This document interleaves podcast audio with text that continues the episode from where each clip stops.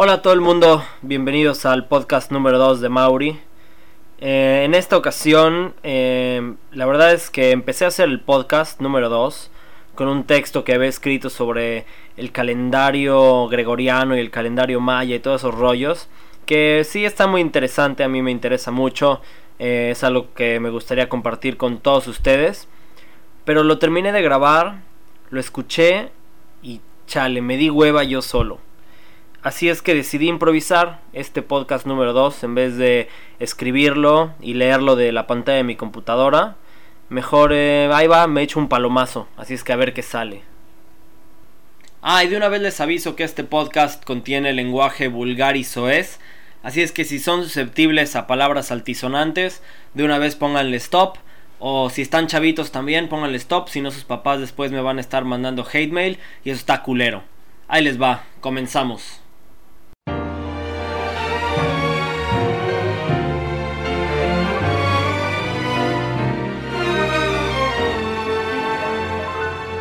Este es podcast de.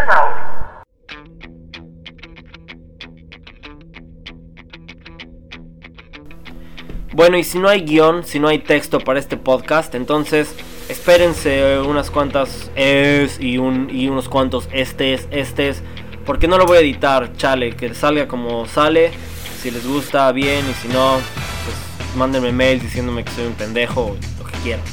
Pero bueno, la onda es que les voy a hablar un poco de lo que pasó ayer y de lo que está pasando hoy en esta parte del mundo.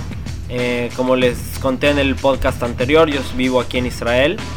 Eh, y ayer en la noche hubo un atentado terrorista, afortunadamente no en Israel, pero no sé si se puede decir la palabra afortunadamente junto con la palabra o las palabras atentado terrorista en la misma oración. Pero bueno, hubo un atentado terrorista en el Sinai, que es en Egipto, que no queda muy lejos de aquí. La verdad es que muchos israelíes viajan todo el tiempo al Sinai. Es, eh, imagínense una playa virgen en la que solamente hay unas cuantas como chocitas en la playa. eh, una cocinita de un árabe ahí que te cocina un arroz gacho y huevos y pescado. Y, o sea, no es como irse a Mazunte o irse a las playas de Oaxaca. Acá es más rústico, te sirven comida chafa.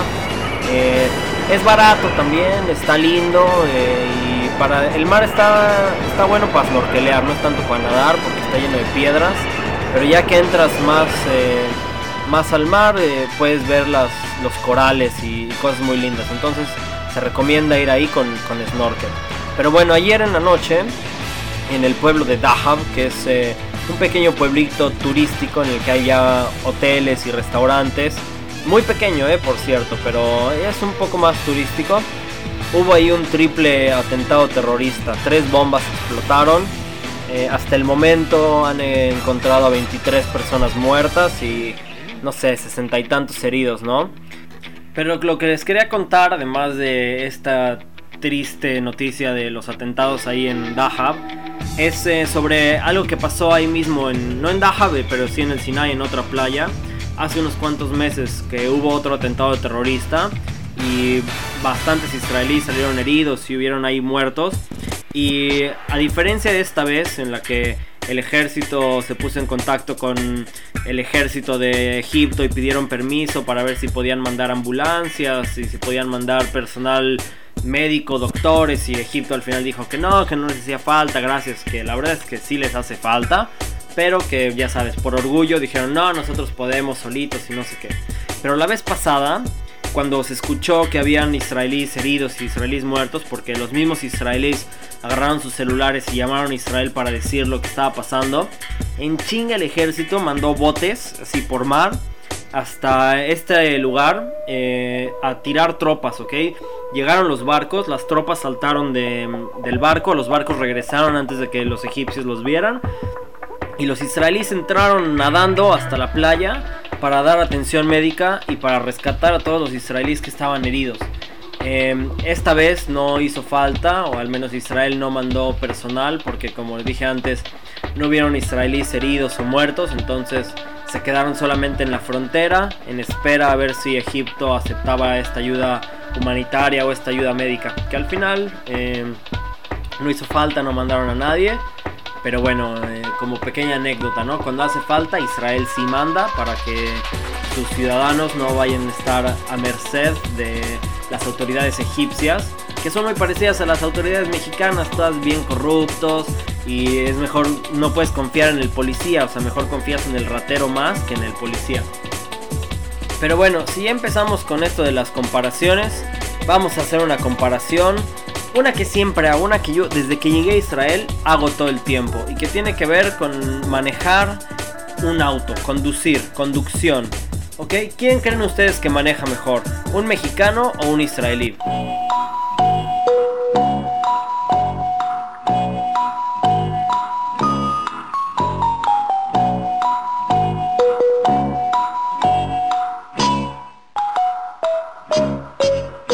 Bueno, la respuesta es simple, sencilla.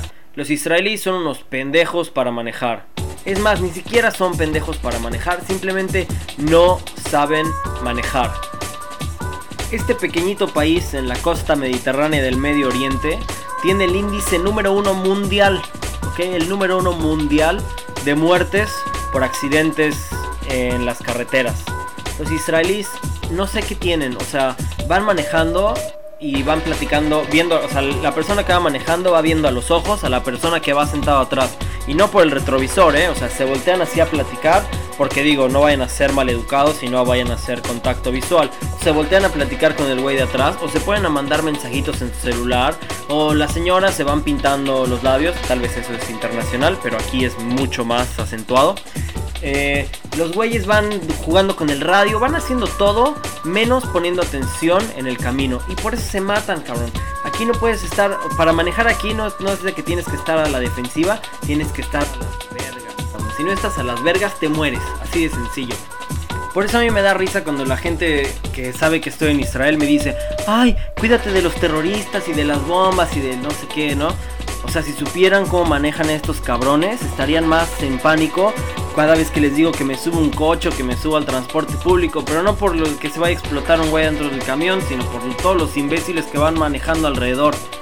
Peligro público. Y el gobierno ha intentado de todo para disminuir estos accidentes de tránsito. Desde leyes con multas gigantescas. Por ejemplo, una multa de exceso de velocidad aquí en Israel te cuesta 750 shekels, que son más o menos unos 180 dólares. Y si no, pregúntenle a mi amiga que le pusieron ya una multa y que no le gustó mucho. Además de estas multas excesivas, hay también campañas de publicidad en las que se habla todo el tiempo en el radio en la televisión sobre lo que es conducir responsablemente y sobre no conducir en estado de ebriedad.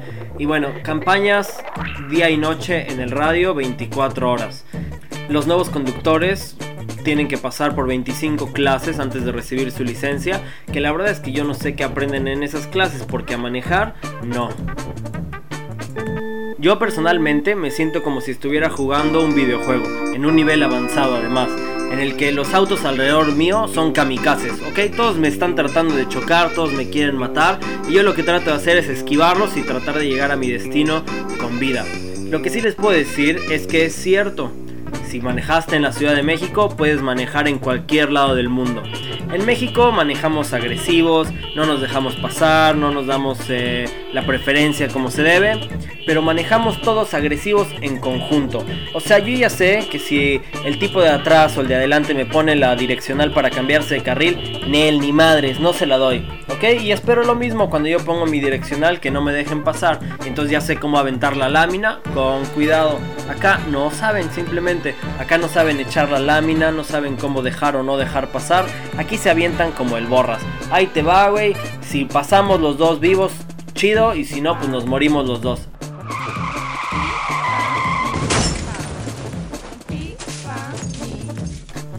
Y esa es la comparación de esta semana. La próxima semana, si no me aplico con el podcast y hago algo divertido, volveré a improvisar y les traeré posiblemente otra comparación entre mi vida de hoy en día y mi vida del el pasado. Espero que les haya gustado. Eh, entren a mi página para ver un video sobre lo que está haciendo la policía aquí en Israel para tratar de disminuir estos accidentes. La dirección es www.mauweb.net y en la parte de videos, no, de hecho en la, en la página principal les voy a poner ahí el video para que vean eh, qué es lo que está haciendo la policía aquí para tratar de evitar los accidentes. Escríbanme también a mi correo mauri.mauweb.net y gracias por bajar mi podcast, gracias por escucharlo. Nos vemos la próxima semana. Chao. Este es el podcast de Mau.